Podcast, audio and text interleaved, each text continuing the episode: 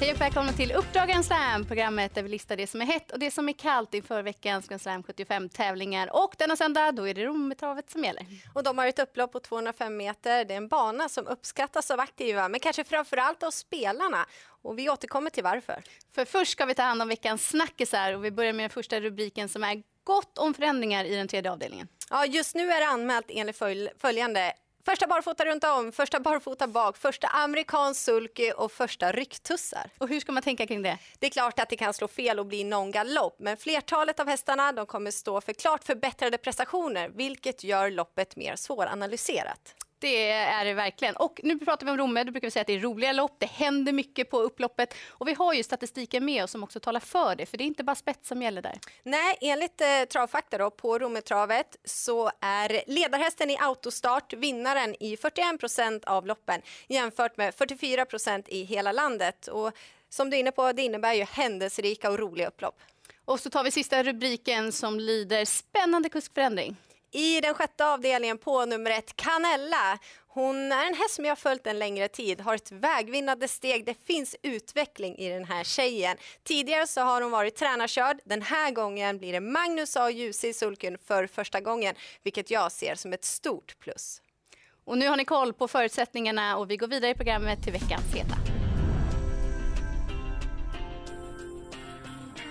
I den eh, andra avdelningen så hittar vi nummer tre Fröjde som har vunnit en tredjedel av sina starter så han kommer med fina meriter och bra form. Senast då kunde han ta hand om ledningen från spår 8 bakom bilen och höll hela vägen in i mål. Den här gången har han ett bättre utgångsläge och jag är inne på att det återigen blir spets och slut. Och går vi till den tredje avdelningen så vill jag lyfta fram nummer tre, Kan Kan Broline som senast blev av med sin käkrem och fick ett helstängt huvudlag och hon såg ut som en ny häst. Pang till ledningen och eh, via en 12,5 sista 500 metrarna så sprintade hon undan till en enkel seger.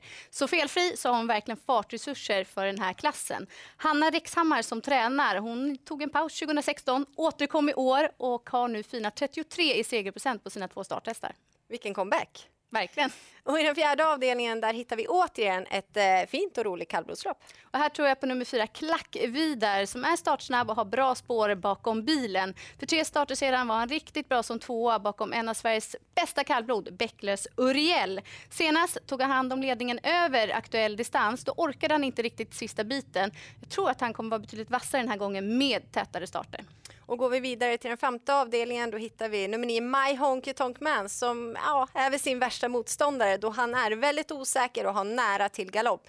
Men inför den här starten så ska man göra förändring i både balans och utrustning. Skulle de här ändringarna falla väl ut och han håller sig i rätt gångart, ja men då får de andra passa sig för han är van hårdare konkurrens än vad som bjuds den här gången. Och går vi till avslutningen så ska man passa nummer tre Turen som fick sparade krafter på V75 senast. Efter det har han varit en sväng hos veterinären veterinären och nu meddelar tränaren Trolls Andersson att han tränar riktigt starkt inför söndagens uppgift.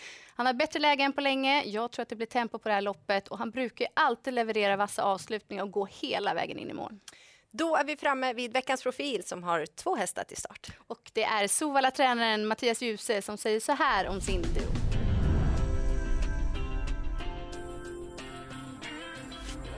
GS75 på Romme och då har du nummer fyra Pitian Evil i avdelning 1. Tror du på någon chans där?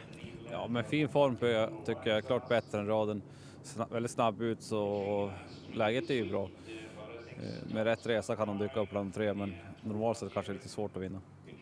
Parveny då i avdelning 7 med två lopp i kroppen, har nummer fyra också. Hur bra är formen där?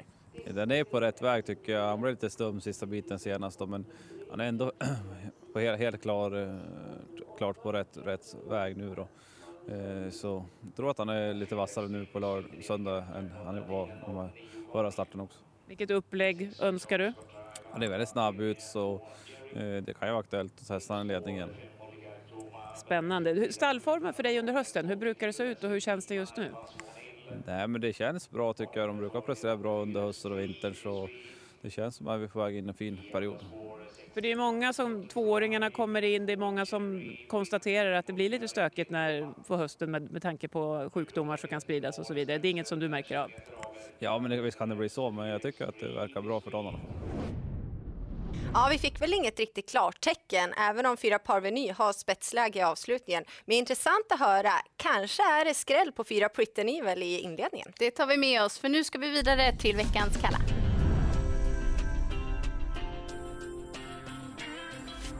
I den andra avdelningen så gjorde nummer 12 Ramsbror debut för Jan-Olof Persson senast men var seg under vägen och det lämnar frågetecken till den här starten. Dessutom så har han ett dåligt utgångsläge. Så även om det är spännande i Perssons regi så måste han visa bättring innan jag vågar gå på honom. Och går vi till den fjärde avdelningen så har nummer ett Backhammer en fin programrad och kommer från en snygg seger. Men han är väldigt speciell i stilen. Han har galopperat i 15 av hans 35 starter, så han är inte att lita på. Dessutom är jag rädd för att den här långa distansen inte är gynnsamt med tanke på hans stil. Och vi rundar av programmet genom att lyfta fram varsin vinnare.